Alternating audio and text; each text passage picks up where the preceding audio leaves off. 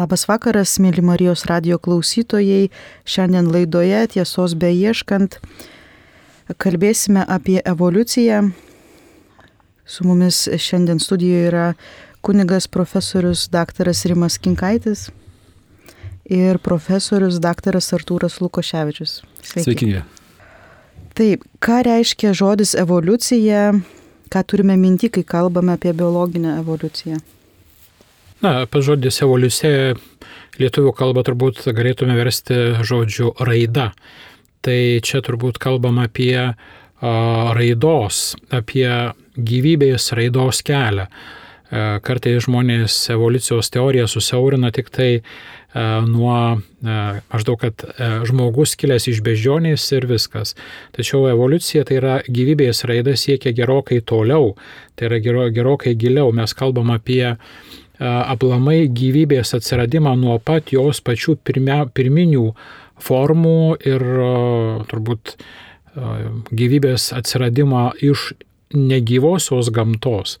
Kaip iš neorganinės chemijos atsiranda organiniai, kaip atsiranda pirmoji lastelė ir po to, kaip ta lastelė vystosi, kaip jinai tobulėja, kaip randasi tam tikros gyvybės formos ir kaip jos toliau vystosi. Tai štai evoliucija būtų aplamai nuo ne tik tai, kad žmogaus atsiradimo, bet gyvybės atsiradimo ir turbūt reikėtų žiūrėti dar giliau, aplamai kaip yra atsiradęs šis pasaulis, iš kur jis atsiradęs, ta negyvoji gamta, iš kur jie atsirado. Tai vat, tas toks labai ilgas ir labai platus gyvybės raidos klausimas, man atrodo, įeina į evoliucijos savoką, o ne vien siauras žmogaus atsiradimo iš bežionės tarpsnis. Ar e, koks yra bažnyčios požiūris į evoliuciją, ar evoliucija neprieštarauja tikėjimui į Dievą? Na, jeigu žiūrėtume į bažnyčios minties raidą, tai iki nesenų laikų bažnyčia kategoriškai neigė, tai yra, sakė, kad šita teorija yra nepriimtina ir nesidarina su krikščionišku požiūriu. Tačiau um, um, turbūt vienas iš esminių lūžių yra įvykęs su popiežium Pijum XII, kuris, man atrodo, ar ne 1950 metais savo enciklikoje Humani Generis yra rašęs, kad galima prileisti, kad žmogaus kūnas kilo iš jau preegzistuojančios materijos, taigi galbūt evoliucijos keliu, tačiau siela buvo betarpiškai Dievo sukurta. Kitaip tariant, pirmą kartą popiežius prileido, kad žmogaus kūnas galbūt galėjo praeiti tam, tikro, tam tikrą vystimosi kelią, tačiau žmogaus siela negali būti evoliucijos produktas. Siela yra Dievo kūrinys, kuris slėpiningai žmogui yra įdėktas. E, kiti popiežiai, tarkim Jonas Paulius II, yra taip pasisakęs, kad, sako, evoliucijos teorija yra daugiau nei hipotezė. Bet tai nereiškia, kad jis pritarė šitai teorijai. Popiežius Benediktas XVI, jis buvo dar atsargesnis ir sako, kad šita teorija nėra dar įrodyta. Ir ji nėra besąlygiškai įrodyta, kad galėtume nebejotinai jai pritarti. Todėl bažnyčiaus pozicija būtų tokia. Bažnyčia neatmeta galimybės tyrinėti šį klausimą ir tai palieka empirinių mokslų sritims ir specialistams, fizikams, chemikams, antropologams, archeologams. Tačiau bažnyčia aišku, sako vieną. Jeigu šita teorija būtų įrodyta, tai ji neprieštarautų Dievo buvimui ir jo veikimui.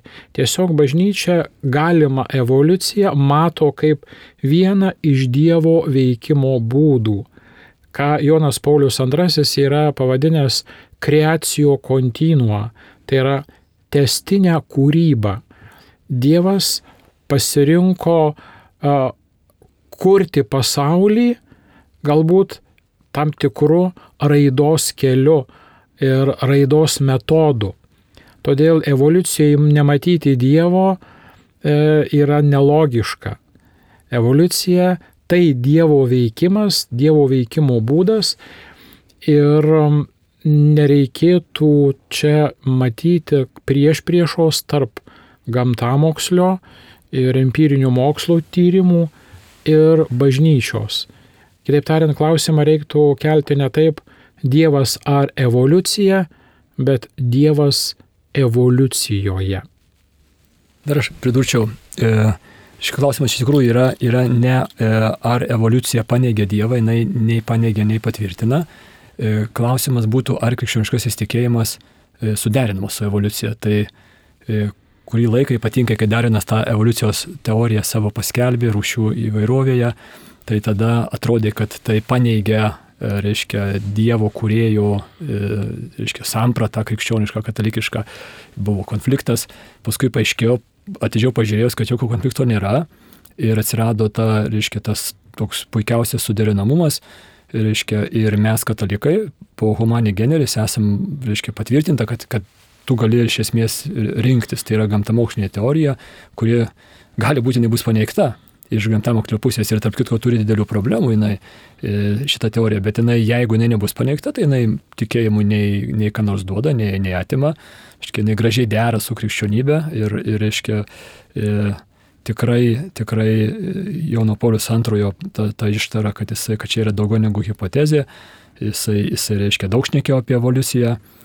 reiškia, ir, ir, ir, ir Benediktas XVI pasisakė, reiškia, to, to klausimų nemažai, bet pabrėžtina yra tai, kad, kad reiškia, tai nėra tikėjimo klausimas, tai yra gamtamokslio klausimas, gamtamokslis yra laisvas tyrinėti, reiškia, jie, kaip sakant, vienu metu buvo labai stipri ta, ta, ta parama tai teorijai, vėliau jinai susilpnėjo, reiškia, šiandienai tokia yra, reiškia, ir kitokių hipotezių, bet tai nėra tikėjimo klausimas ir katalikai gali laisvai pasirinkti ar tą vadinamąją teistinę evoliuciją, kur Dievas naudojasi evoliuciją kaip įrankiu, reiškia, tam testiniam kūrimui, ar, reiškia, ar kitokią sampratą. E, taip, čia pritarant turbūt profesoriui, e, galima pastebėti, kad e, bažnyčia nepritartų evoliucijai be Dievo kaip e, tokiam visiškai paraleliniam vyksmui, kuriame Dievo nėra, Dievas nedalyvauja. Bažnyčia taip pat nepritarė atsitiktinumo principui, kad viskas vyksta atsitiktinai ir savaime, nes evoliucija vis dėlto vystomasi a, tobulėjimo linkme, tam tikro aukštesnio tikslo e, linkme. O tai jau, prasme, kada vystimasis turi tikslą, tai neišvengiamai e, klausi, kas į tą tikslą veda, kas į tą tikslą orientuoja arba kas programuoja siekti kažkokio tikslo. Tai bažnyčia e, niekada nepritars e, evoliucijai be Dievo ir evoliucijai, kurioje yra tik aklas atsitiktinumas. O kas, kas dėl, dėl, kad tai įmanoma, kai kurie teologai, tyrinėdami šventąjį raštą, E, sako, žiūrėkime, šventame rašte, pradžios knygoje turim vieną pasakojimų, kada Dievas kuria pasaulį per septynias dienas. A, suprantame, kad dienos tai nėra 24 valandos, kokias mes turim dabar, bet e, čia galbūt yra ilgi laiko tarpai, per kuriuos Dievas e, vysto pasaulį. Ir jeigu mes skaitome pradžios knygos pasakojimą, matome, kad Dievas pradeda kurti nuo ko? nuo labai paprastų dalykų ir eina vis tolyn, tolyn, tobulyn, tobulyn, atsiranda augmenija, gyvūnyje ir galiausiai paskutinė diena žmogus. Tai yra tarsi tokia auganti nuosekliai kylanti linija, galbūt čia Dievas irgi duoda tam tikrą užuominą, kad jis kūrė pamažu, palaipsniui, po truputėlį vis aukštyn, tobulyn. Ir čia gali būti tam tikra galimos evoliucijos užuomina, bet kaip profesorius minėjo, šita teorija turi begalę silpnų vietų. Ir e, įdomiausiai, kad e, su mokslo ir technikų, technologijų vystymosi klausimų ne tik, kad nemažėja šiai teorijai, jų daugėja. ir empiriniai mokslai kartais paneigia kai kuriuos šitos teorijos postulatus. Kitaip tariant, atsiranda na, tam tikras nesuderinamumas tarp to, ką sako evoliucijos teorijos šalininkai ir, tarkim, fizikos ar tos pačios chemijos. Yra labai, labai stipri knyga vokiečių autorių, kurie, kurie vadovavo Smithas. Ir ta knyga yra išversta beje į lietuvių kalbą, vadinasi, mokslas nepripažįsta savaiminės evoliucijos. Ir, ir, ir ten tiesiog cheminiam reakcijom yra įrodinėjama, kaip iš negyvosios gamtos savaime negali atsirasti organiniai organizmai, tai yra pirmoji lastelė. Kitaip sakant, chemija paneigia, kad iš, iš neorganikos gali savaiminių būdų atsirasti organika. Taigi, kas liečia Darviną, tai čia vėl kurį laiką buvo mėginama Darviną pristatyti kaip tą, kuris šią teoriją tarsi paneigia Dievą, paneigia bažnyčios dogmas, paneigia praktiškai tikėjimą. Tai čia ypatingai marksistiniam pasaulyje buvo labai stipriai E, pabrėžiama, kad štai Darvinu, su Darvinu prasidėjo bažnyčios griūtis ir prasidėjo tikėjimo krizė, nes vat, štai šitą teoriją rodo, kad jokio kūrėjo nėra, viskas vyksta savaime, kad jokio dievo nėra ir kad bažnyčios dogmos jos e, visiškai nepagrystos. Tai e, čia reikia pastebėti, kad Darvinas buvo panaudotas ideologiškai. Tiesiog šitas jo šitą jo įžvalgą arba na, iškelta versija, jinai manipuliatyviai naudojam, buvo naudojama ir vis dar tebe naudojama kaip e, kovos su bažnyčia ir su tikėjimu įrankis. E, tai tiesiog keletą citatų, ką yra rašęs Darvinas ir tada turbūt pačios citatos, kuriuose jisai pasisako, gali duoti atsakymą klausytojam, ar dar vienas buvo bedievis ar ne, ar jisai neigė Dievą ar ne. Tai štai keletas tokių citatų, viena iš jų, jo, jo tam garsiajame veikale rūšių kilmė jisai sako, daryti prielaidą, kad akis šis tiesiog neįtikimai sudėtingas įtaisas, gebantis aiškiai matyti įvairių atstumų, prisitaikyti prie skirtingo apšvietimo, galėjau išsivystyti natūralios atrankos būdu, man pačiam prisipažinsiu atrodo visiškai absurdiška. Taigi pats Darvinas uh, atmeta savaiminės evoliucijos, uh, tokios chaotinės evoliucijos kelią.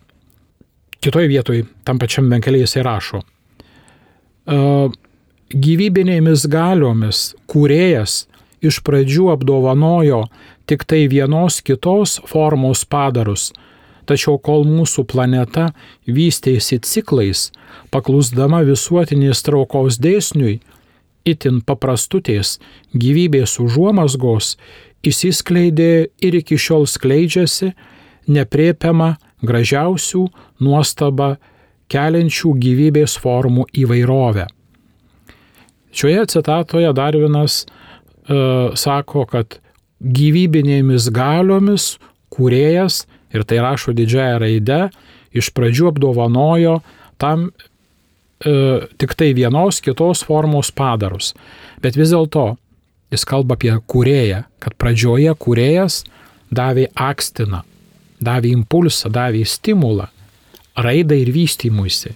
Bet jis kalba apie kurėją kaip viso to proceso pradžią, iniciatorių ir sumanytoją. Dar viena citata.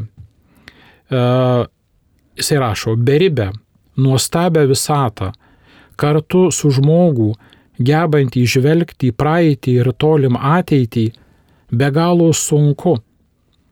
Vargu ar iš vis įmanoma suvokti, kaip aklo atsitiktinumo ar priežastingumo vaisių. Taip samprotaudamas niekaip negaliu apseiti be pirminės priežasties, būtybės, logiškų mąstymų šiek tiek panašios į žmonės. tad galite mane pelnytai vadinti teistu. Šitame sakinyje jisai ką sako, kad jis nesuvokia, jis neįsivaizduoja, kad žmogus gali būti aklo atsitiktinumo vaisius. Kitaip tariant, dar vienas neprileidžia, kad žmogus atsirado atsitiktinai. Jeigu jis atsirado neatsitiktinai, yra priežastis. Ir keliam klausimą, kas ta priežastis. Ir jisai sako, aš negaliu apseiti be pirminės priežasties būtybės logiškų mąstymų panašios į žmonės. Taigi jis kalba apie priežastį panašiai žmogų, į asmenį. Tad mane galite pelnytai vadinti teistu. Ta priežastis yra Dievas. Tai štai čia atsakymas pats Darvinas, e, jisai ne tik, kad nepaneigia Dievo, jis mato Dievą kaip žmogaus atsiradimo priežastį jis mato Dievą kaip bet kokios gyvybės pirminį šaltinį. Todėl iš dar vieno daryti bedievį tiesiog yra manipulacija, yra žmonių klaidinimas, mano galva, tam tikra ideologija, bet ideologija taip tuo ir remiasi, kad jinai remiasi žmonių nežinojimu, o pateikia tik tai selektyviai, kad žmonės būtų klaidinami. Ar Darvinas buvo giliai tikintis ar ne, čia sunku pasakyti. Bet kad jis savo evoliucijos teoriją grindžia Dievu kaip pirminė priežastimi, tai akivaizdu.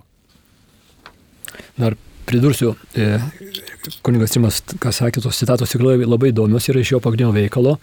E, Darvinas praėjo nemenka tokią pat save, pa, pačią paties savęs raidą, tikėjimo raidą, reiškia, jis pradėjo kaip giliai tikinti žmogus, ir, ir gyvenimo pabaigoje, reiškia, jo tikėjimas tikrai jau buvo toli nuo to pradinio. Ir mes čia matom tam, tikrą, tam tikras, reiškia, citatas, kurios rodo tą, tą jo kelionę. E, ir tikrai sovietinis ateizmas, aš dar pas atsimenu, kaip tikrai naudoju dar vieną tikėjimui greuti, tikrai ideologiškai. Jis yra sudėtingas dar vienas. Reiškia, jo pažiūros yra sudėtingos, jos yra ne, kaip sakant, nes dinamiškos, kit, kito, ger, gerokai kito į gyvenimo pabaigą tikėjimo praradimo linkme tai, tai jį patogu naudoti, reiškia, tikrai ideologiniams e, karams e, įvairiai. E, aš atskirčiau tokius tris momentus, reiškia, tai, kas vadiname, mes vadiname evoliucija. Susijęs su gyvybė, jie trys momentai būtų, tai pirmas dalykas tai būtų gyvybės atsiradimas. Tai evoliucijos teorija apie tai nekalba. Reiškia, jie kalba apie gyvybės vystimąsi. Ir gyvybės atsiradimas, reiškia, yra kitų mokslų, reiškia, tai nebūtų evoliucijos teorijos, tai būtų, reiškia, chemijos, biochemijos, mokslų, reiškia, klausimas ir jis labai labai palankus e, kūrėjo egzistavimui. Nes, reiškia, atsitiktinai, kad susidarytų pirmoji gyvoji lastelė, e, yra tikimybė labai labai maža, netgi jeigu tai buvo daugybė bandymų, kaip sakant, atsitiktinai vykstančių vienu metu, vis tiek reiškia, šansas yra be galo mažas. Ir žmonės dažnai daro tokią prielaidą, klaidinga prielaida, tai, nu, tai per daug tūkstančių metų, per milijonus metų kažkaip tenais ta gyvybė, reiškia, palaipsniui įsivystė. Problema yra ta, kad skirtumas tarp gyvosios ir negyvosios gamtos yra, reiškia, kokybinis skirtumas. Nėra taip, kad buvo negyvoji gamta, tada, reiškia, po 10 milijonų metų jau 50 procentų tapo gyvąją, dar paskui 75 procentų ir paskui, ne, ne, ne, buvo negyvoji gamta, ir šuolis, reiškia, iš karto šuolis, reiškia, momentinis šuolis į gyvąją gamtą, reiškia, jisai yra. Ir tą mokslas patvirtina. Ir va šito vietoje yra ne mokslo klausimas, o filosofinis klausimas ar teologinis klausimas, reiškia, kas tenai dalyvavo. Ar dalyvavo kažkoks protingas įsikišimas, kurį krikščionys vadina Dievu, ar tai buvo atsitiktinumas, kaip sakytų ateistai. Tai jau čia tas didysis klausimas, reiškia, kur evoliucijos teorija apie jį nekalba. Tada, kai jau gyvybė atsirado, vienalaščiai, reiškia, pirmieji atsirado vandenį, taip, taip pat labai įdomi sąsaja su pradžios knygos pirmoju skyriumi, reiškia, tada jau jinai vystėsi. Ir kitas, reiškia, vėl fizika šito vietoje, reiškia, kelia didžiulį klausimą, nes gyvybė vystosi sudėtingėjimo reiškia, didėjimo linkme, tai, va, tai vadinasi prieštarauja entropijos dėsniui, kuris sako, kad, reiškia, uždaros sistemos paliktos savieigai juda maže, mažesnės įtampos, mažesnės energijos, tai reiškia, mažinių sudėtingumo linkme, o gyvybė, reiškia, nuo pat savo atsiradimo prieš 3,5 milijardo metų juda prieš srovę tiesiog stabiliai, nu, iš kur tą impulsą gauna, reiškia, nes negyvojo gamto to impulso nėra. Tai va, tai evoliucijos teorija reiškia kalba apie tą, tą vystimąsi ir bažnyčia įsikiša vienoje vietoje kategoriškai. Jis sako, reiškia, tai galėjo būti, čia yra mokslo klausimas, ne teologijos klausimas.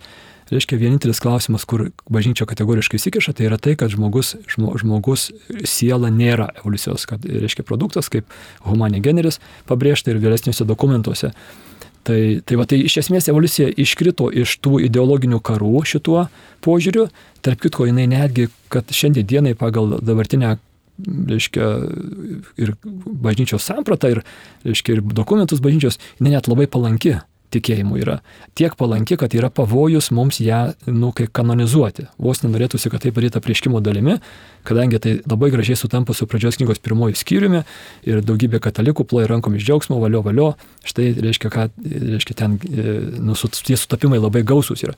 Negalim to daryti, nes tai nėra, reiškia, evoliucijos teorija nėra prieškimo klausimas, tai yra mokslo klausimas, jisai gali būti po, po dešimt metų ar po pusės metų, jisai gali būti paneigtas ir tada pastačius ant, jį, ant jo tikėjimą, reiškia, tas tikėjimas sugrius. Net, net ta, reiškia, sąsajos labai gražios yra, per daug jomis nesidžiaugime, nes tai yra mokslas, kuris vystosi, gali būti naujos teorijos išvestos ir labai panašu, kad, kad jos juda link tų naujų teorijų atsiradimo.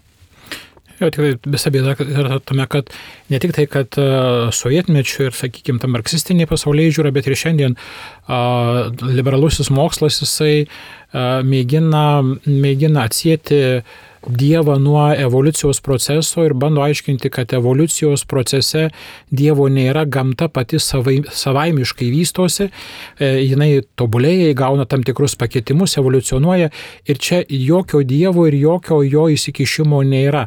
Tai jeigu mes pradėtume kalbėti apie revoliucija atsieta nuo Dievo, tai netgi empirinių požiūrių ten būtų daugybė klausimų, kurių empirinis mokslas niekaip negalėtų paaiškinti, na, kaip antai, e, e, sakykime, vėlgi pirmosios gyvos lastelės atsiradimas. Tai biologijos vadovėliai teigia, kad gyvybė atsirado savaime pirminėme okeane iš amino rūkščių ir polipeptidų. Tačiau Ką sako chemikai?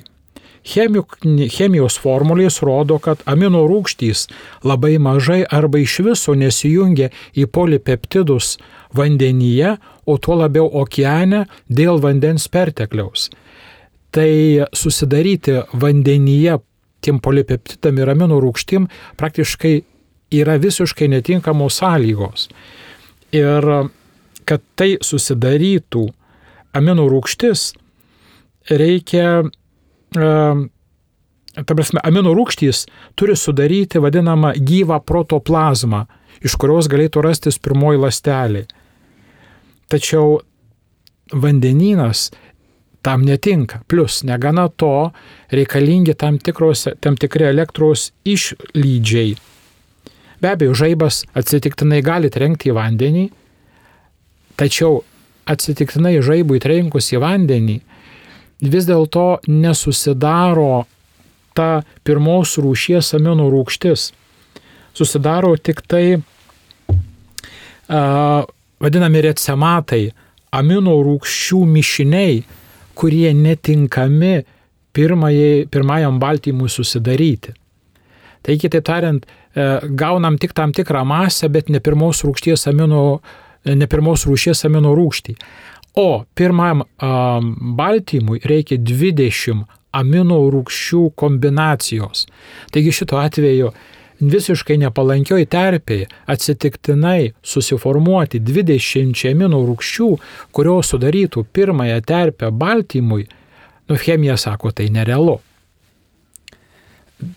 Visiškai taip, bet čia tokia pavojinga vietelė yra, kai mes teologai pradedam į chemijos plotmę lysti, galim padaryti klaidų, ir palikim e, tą plotmę chemikams. Tegul jie, sažiningi chemikai, ar jie tikintys, ar jie ateistai, žinodami, išmanydami savo e, amatą, savo sritį, jiegi tas, e, tas va problemas visas visiškai teisingai čia išreiškia iš, iš, iš, iš, iš tikimių teorijos nu, šansas yra labai mažas, kad ten sukrito tos cheminės medžiagos į vieną vietą taip laimingai, temperatūra tinkama, drėgmė tinkama, žaibas trenkia tinkamai ir šmokštė iš negiausios gamtos funkcionuoja, pulsuoja pirmoji lastelė, gražiai savo reiškia vykdo visas funkcijas. Nu, šansas yra ypatingai. Bet jinai dar turi, turi išlikti, Išlikti. jinai, turi nežūti. Ir turi daugintis. Ir turi daugintis, tada ir turi reikalingos pasudėtingėti. Turi tai- būti terpė tinkama temperatūra, aplinka, papildoma informacija, kaip jų turi tobulėti ir kokie pokyčiai turi atsirasti. Nu, va, tai mes teologai džiaugsmingai, reiškia, plojame žiau ra- rankomis, kad, kad kiekvienu tuo, tuo žingsneliu, laipteliu, nu, labai mažas šansas, kad tai atsitiktinai atsirado. Tačiau, tačiau gamtamokslis, jie žvelgia tik tai į patį procesą ir jie nekelia klausimų gilesnių, metafizinių klausimų, reiškia, e, kilmės klausimų. Ir, ir jie tą procesą mato kaip labai problemišką paaiškinti natūraliom priežastim ir gerai. Ir, ir reiškia, tegul jie dorojasi su tom priežastim. Aš, aš būčiau linkęs, e, reiškia, palikti juos savėgai ir jie patys, būdami sažininkai mokslininkai, tą pamatys, kad, kad nu, reiškia, labai jau menka, menka šansas, kad tai atsirado atsitiktinai. Ir, reiškia, tas va, tikrai pirmasis gyvybės atsiradimo, tai reiškia tas momentas vandenyje, mokslas šiandien mums sako, atsirado, reiškia, reiškia vienoje vietoje, išplito žaibiškai, nu tiek laimingų atsitikimų, atsitiktinumų tiesiog, tiesiog reiškia nuostabu. Nes jeigu yra labai daug atsitiktinumų, tai tai vadinasi dėsningumu. O dėsningumas tai jau, kažin ar gali būti vadinamas atsitiktinumu. Dėsningumas negali būti be, be dės, tų dėsningumų, reiškia, šaltinio. Reiškia, dėsningumai, reiškia, turi būti turėti savo šaltinį. Jo, bet aš, aš irgi visą laiką, taip kaip, kaip reiškia, teistai naudojasi šitą Darvino e, teoriją savo labui, aš, aš visą laiką vengiu, vengiu iš to iš to reiškia teologizuoti ją. Te būna jinai tas, kas jinai yra. Jinai yra gamtamokslio hipotezė, net ne teorija. Jinai funkcionuoja jau pusantro šimto metų su tam tikra sėkme. Bažnyčia pripažįsta ją kaip suderinamą su tikėjimu, mums to pakanka. Ir, reiškia, ir tikrai jinai labai labai problemiška paaiškinti be protingo išorinio įsikišimo, kurį mes vadinam Dievu. Tai, tai, tai čia va to, to vietoje aš manau, palikim mokslą, reiškia, toliau ju- judėti ir jisai pats atsakys į, į savo klausimus. Todėl nemažai teologų, jie, jie tarp kitko ne tik katalikų, bet ir, ir sakykime, protestantų ir, ir, ir, ir anglikonų, jie yra linkę matyti, kad tiek gamtamokslis, tiek teologija, šio, šiuo tikėjimas turėtų bendradarbiauti einant į priekį. Jeigu gamtamokslis aiškinasi, kaip galbūt vyko šita raida, tai teologija duoda atsakymą, kodėl. Jeigu čia mokslas sako, vyko štai taip, tai teologija sako, vyko taip todėl, kad yra tokia priežastis ir toks tikslas, iš kur kyla ir į kur eina. Ir todėl, todėl jo, bažnyčia šiuo atveju nematytų um, kažkokios konfrontacijos, matytų kaip tik tas tyrimas būtų vaisingas, jeigu būtų geranoriškai bendradarbiaujama, tačiau turim pripažinti, kad iš kai kurių liberaliai nusiteikusių gamtamokslio um, autorių uh, nėra to noro bendradarbiauti ir vis tiek bandoma įtikinti, įrodinėti, kad čia Dievo nėra, kad tiesiog gamta pati savaime protinga, pati savaime savo išsikelia tikslą, uždavinius ir jų kažkaip siekia. Tai va, dėl to liūdna, kad yra tam tikras susispyriliškumas, atmesti bendradarbiavimą su tikėjimu, o vis tiek eiti tuo, na, alternatyviu keliu, bandant įrodyti pažangą, harmoniją, darną, atsietą nuo didžiojo proto ir didžiosios išminties, kas yra Dievas. Manau tikrai taip, kad e, mokslą reiktų palikti nuo, nuo tikėjimo, kaip jūs minėt, bet laida visgi apie evoliuciją, tai jūs minėjot, kad e, galbūt turi dar kažkokių duomenų, kas, e, kas yra problematiška, neįrodoma ir netgi prieštarauja dabartiniam, dabartiniams mokslo duomenims. Tai tas garsusis tos trūksamos grandys čia jau, jau, jau, jau turbūt pusant pus, pusė šimto metų, reiškia, tas ta problema didžioji tikrai yra. Jinai, reiškia, kad nėra to nuoseklumo, bet čia vėlgi čia būtų e, gamtamokslinė problema, jinai, e, aš va, ką kunigas Rimas sako, labai, labai, reiškia, tikrai yra, yra garsus ir populiarūs autoriai, kurie mojuoja to, to evoliucijos vėzdų, čia, Na, čia, žinoma, garsusis Dawkinsas ir... Jo, Dawkinsas ir Richardas ir, ir ten jo, jo bendražygiai. Bet, a, Bet aš, aš tokiais atvejais, reiškia, net neįčiau į tą kovą. Reiškia, jinai truputį, nu, atidžiau pažiūrėjus, gamtamokslininkai patys, patys pripažįsta juokingumą ten tų, tų, tų argumentų. Dawkinsas net man keista, kaip jisai, reiškia, toks garsus tapo, jo tikrai labai karikatūrinė krikščionybės forma, kurią jisai puola, reiškia visiškai nei katalikybė tai nėra, nei pagrindinės protestantizmo šakos nebūtų, tai tam tikra kaliausiai, kurią jisai pasi, pas, pas, pats pasidarė ir pats išjuokė. Tai, tai panašiai tenai su ta visa kita ideologija jo. Tai aš pritarčiau. Reiškia, kad, o, o ten tie, o, o tos problemos, reiškia, jos tikrai yra, nes, nes pastoviai girdisi, kad, kad patys gamtamokslininkai, reiškia, kelia naujas, naujas hipotezės. Arba, reiškia, iš tikrųjų, iš tikrųjų yra įvykę, ta pradinė Darvino, reiškia, versija evoliucijos teorijos yra labai modifikuota. Reiškia, nes jau, šiandienai jau, jau jinai net laiko bet kokios kritikos gamtamokslio ir jinai modifikuota, ten pataisimai daryti, daryti, daryti. Ir kai kurie pataisimai vis dėlto reiškia, nu, niekaip neįmanoma jos išgelbėti nuo tų trūkstamų grandžių. Reiškia, jie neranda tų, turėjo būti, būti kažkokie tai pusi, ta, tarpiniai variantai, kurių stinga.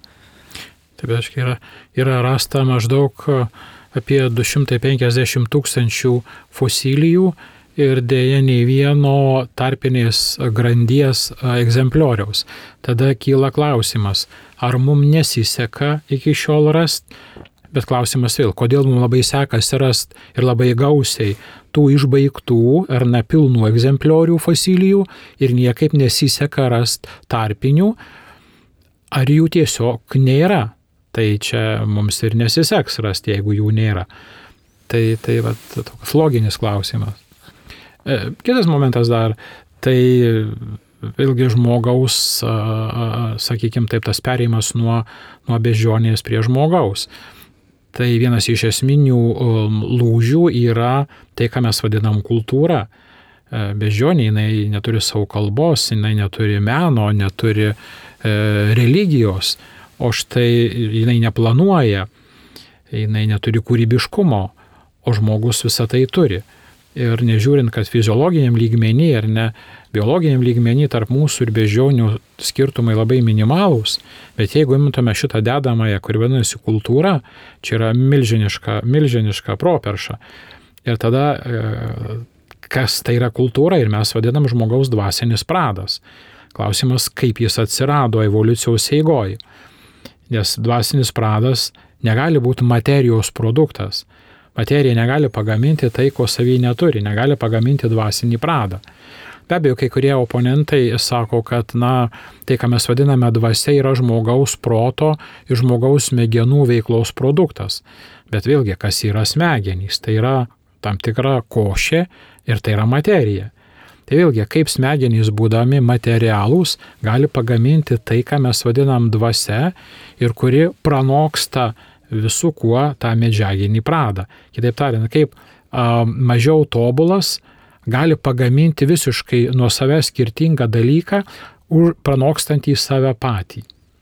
Tai vėlgi yra nelogika. Todėl čia ir vėl mes ne, ne, negalim tik tai apsiriboti vien tuo biologiniu keliu, bet susidūrę su žmogumi neišvengiamai keliam klausimą, kaip manyje žmoguje atsiranda tai, kas mane iš esmės skiria nuo gyvūnų ir šiuo atveju nuo, nuo, nuo, nuo, nuo bežionių. Tas dvasinis pradas, ką vadiname dvasinė siela, kaip jis savaime galėjo iš kažkur atsirasti iš materijos. Tai tikėjimo požiūriu viskas aišku ir kaip sako popiežius Pijus XII, ji nėra evoliucijos produktas, ji yra betarpiškai Dievo žmogui įdėkta viskas tada lyg ir logiška. Kūnas gali evoliucionuoti, kol prieina tam tikrą momentą, kada jau įsikiša Dievas tiesiogiai su dvasiniai sielos dovana. Bet jeigu mes atmetam Dievo buvimą, klausimas tada, kaip pagrysti žmogaus dvasios atsiradimą, žmogaus kaip dvasinės būtybės egzistavimą. Ir argumentas, kad čia proto smegenų veiklos produktas, nu, jis, jis atrodo juokingas. Dar atsimenu iš savo tarybinių laikų, reiškia, kad sąmonė yra aukščiausia materijos forma. Jiems reikėjo, tai reiškia, pagrysti tą filosofiškai kažkaip, tai tokį postulatą, reiškia, iškelia. E, aišku, mūsų oponentai e, sakytų, reiškia, parodyk man tą sielą, parodyk man tą dvasinį pradą. Ir nėra labai lengvas atsakymas jiems, kitaip jų, jų nebūtų nu, tų, tų žmonių pozicijos, reiškia, mes ir nematytume šiais laikais. Bet, nu, aš tai tokį siūlyčiau pamastymą. Jeigu žmogus esmiškai nesiskiria nuo kitų gyvūnų, nuo beždžionės, kaip sako, sako e, Dokinsas ir, ir kiti, tik tai, nu, esam truputį aukštesnės e, evoliucijos laiptelio, reiškia, stovimo to evoliucijos laiptelio, tai kodėl tada per, per e, dešimtis tūkstančių ir net šimtus tūkstančių metų beždžionių gyvenimas iš esmės nepasikeitė. Žmogaus gyvenimas, jeigu mes pažiūrėsime, kaip žmogus reiškia, jo, jo aplinka, jo, jo būstas, jo laisvalaikis, reiškia, jo, jo gyvenimo būdas per 10 tūkstančių metų pasikeitė, pasikeitė radikaliai.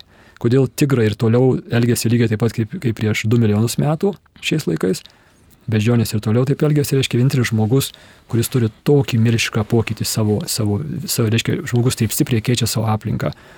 Ar tikrai tie keli procentai, kurie skiria mus nuo reiškia mūsų, mūsų genofondą, mūsų reiškia, gen, genetiką nuo, nuo, nuo reiškia, žmogbeždžionių. Nu, sunku patikėti būtų, kad vis dėlto tie 2, 2 procentai ir 3 procentai, kurie mus skiria nuo šimpanzių ir gorilų, padaro tokį skirtumą, kad kaip kuningas Arvidas Žygas sakydavo, saky, reiškia, jeigu beždžionės e, ir mes skiriamės 3 procentais, tai tada tai niekaip nepaaiškina, kodėl beždžionės niekada nestato katedrų, o žmonės visada stato katedras, šventvietės, kažkokias tai šventovės, šventyklas ir taip toliau.